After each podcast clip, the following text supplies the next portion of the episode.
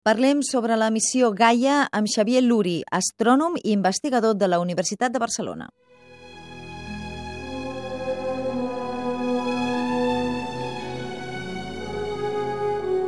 Què és la missió Gaia? Gaia és una missió de l'Agència Europea de l'Espai, un satèl·lit, per entendre'ns, no es veu un satèl·lit perquè no orbita entorn de la Terra, però és una, una nau, una sonda, que eh, està dedicada a fer astrometria, bàsicament. Fa moltes coses més, però bàsicament la missió de Gaia és fer astrometria, que és potser la, la branca més antiga, més vella de l'astronomia.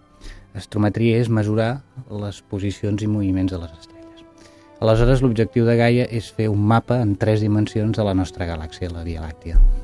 Una de les expectatives que s'hi han creat, que s'han creat entorn a, a Gaia, és que permetrà l'elaboració d'un cens molt exacte de la Via Làctea. Per què serveix tenir aquest cens de forats negres, d'exoplanetes... A veure, mm, l'objectiu científic bàsic de Gaia és entendre la nostra galàxia, la galàxia on vivim.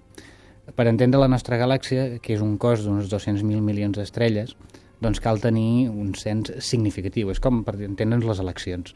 Si tu preguntes a dues persones, no et faràs una idea de què vol votar la gent. Si tu preguntes a 2.000, 3.000, 10.000 persones, et faràs una idea del que votarà la gent. Doncs això és el mateix. Gaia observarà 1.000 milions d'estrelles de la nostra galàxia.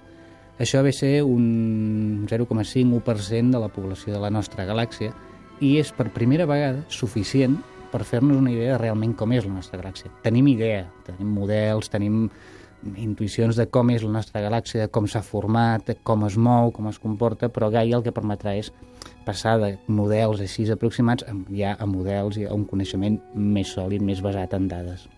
Deies que eh, seria com fer un mapa. S'hauran de canviar els llibres d'astronomia després de Gaia? Eh, probablement. A veure, no, no dràsticament, perquè l'astronomia és una ciència molt consolidada, amb moltes, moltes dades, però eh, segurament sí, portarà sorpreses. Per posar un exemple, eh, Gaia té un predecessor, una altra missió de l'Agència Espacial Europea que es va dir Hiparcos. Hiparcos va acabar el 1995, va fer un catàleg molt més petit que el que proporcionarà Gaia, amb, un, amb unes 120.000 estrelles i això ja va canviar algunes de les concepcions de, de, de, de, l'astronomia en varis camps. I per citar una dada potser anecdòtica però molt clara, el número d'articles que va aportar, articles científics, que va donar eh, la missió Hiparcos, va ser equivalent durant molts anys als que es feien amb el Hubble que, del qual se'n sent parlar molt més. Suposo que molta gent ha sentit parlar del telescopi Hubble perquè fa unes imatges molt maques. Les fotos que arriben ah, del Hubble són fantàstiques. Doncs Hipparcos va donar un nombre d'articles similar durant molts anys. Per què? Perquè es va proporcionar ciència fonamental, la base de l'astronomia. Doncs Gaia farà això multiplicat per 10.000. Aleshores, és, és d'esperar que, que trobem coses noves, que modifiquem el coneixement actual, moltes coses. També s'hi faran experiments. Eh, sembla ser que un, un dels experiments és per confirmar algunes teories com la de la relativitat. Explica'ns una mica, a, a banda de, del coneixement que ens aportarà, quin tipus d'experiments s'hi faran? Bueno, eh, com et deia, Gaia bàsicament és una missió astromètrica, però porta molt més. Eh, porta també uns eh, dos espectrofotòmetres, un espectròmetre per mesurar velocitats radials, etc. I en concret el que em preguntes tu de la relativitat és que eh, el nivell de precisió de Gaia, amb la precisió que Gaia observarà, és tan gran que per, eh, per mesurar bé, calcular bé les posicions de les estrelles, et cal un model relativista de com la, com la gravetat mm, fa curvar la trajectòria de la llum. Suposo que potser els oients sabran que eh, amb la teoria de la relativitat la llum eh, és corbada, la trajectòria de la llum és corbada pels cossos eh, massius, per la gravetat. Doncs el nivell de precisió de Gaia el model que et cal és tan, tan refinat que aplicar-lo et serveix per verificar la relativitat general a un nivell molt precís. És a dir, només el fet d'observar amb Gaia, amb la precisió que observarà, et permetrà fer una verificació independent de la teoria de relativitat, ja se n'han fet moltes, a un nivell de precisió comparable o superior a altres tècniques.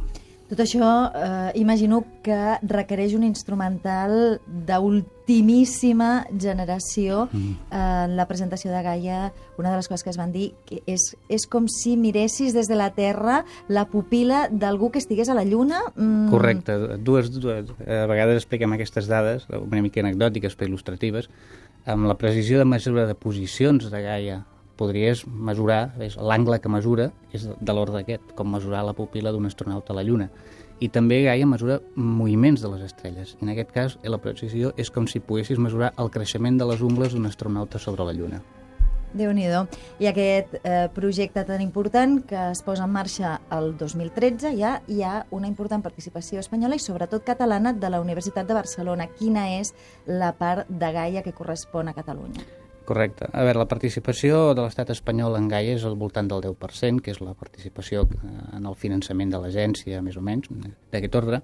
I en el cas científic, la Universitat de Barcelona porta participant en Gaia des del, seu, des del principi. De fet, des de que es va concebre la idea de fer un satèl·lit successor d'Hiparcos a Gaia, doncs estem estat allà. Vam ser signants de la proposta a l'Agència Espacial Europea, vam ser autors de uh, la proposta detallada que va ser aprovada per l'Agència Espacial Europea hem estat treballant, ajudant, col·laborant en el disseny de la missió, des del de seguiment industrial, des del punt de vista científic, en l'elaboració del cas científic, i actualment el que estem treballant a la Universitat de Barcelona és en la preparació del, del, que del tractament de dades, perquè clar, el satèl·lit enviarà uns 150 terabytes de dades en brut, però aquestes dades no són directament dades científiques, ja, per dir-ho així, s'ha de treure el gra de la palla. Doncs el processat d'aquesta gran quantitat de dades, el processat per convertir això en dades científiques és un, és un repte, un repte seriós, i la Universitat de Barcelona forma part d'un equip internacional de més de 400 científics eh, que està dedicat a preparar aquesta, aquest tractament de dades per obtenir ciència a partir de les dades en brut que deu ser una part molt important perquè Gaia enviarà moltes dades cada dia. Exacte, uns 30 gigas al dia, en total al llarg de la missió 150 terabytes, uns quants milers de, de DVDs. I ja per acabar, una mica calendari. Quan, quan es fa el llançament d'aquest satèl·lit, d'aquesta sonda? La data prevista en aquest moment és el 7 de novembre del 2013, és a dir, l'any que ve, d'aquí un any aproximadament. El que passa és que aquesta data pot variar una mica amunt, una mica avall, perquè el que passa que Gaia està en la cua de llançament. Es llença des de la Guiana francesa, amb la base de, de Kourou, i es llença amb un coet Soyuz fregat. Doncs aquests, eh, hi ha una cua de llançaments, abans que nosaltres ve uns de les satèl·lits de la constel·lació Galileu, de, que és l'alternativa eh, europea al GPS, doncs una mica en funció de la disponibilitat de llançadors i com vagi la cua, doncs envoltant de novembre, desembre del 2013 estarà llançat. Després, durant 5 anys, amb la possibilitat d'una extensió de 6 anys, estarà treballant i dos anys després de finalitzar tindrem al nostre abast el catàleg final de la missió. Molt bé, doncs Xavier Luri, investigador eh, que forma part d'aquest projecte tan ambiciós. Gaia, moltíssimes gràcies per aquestes explicacions i molta sort. Moltes gràcies.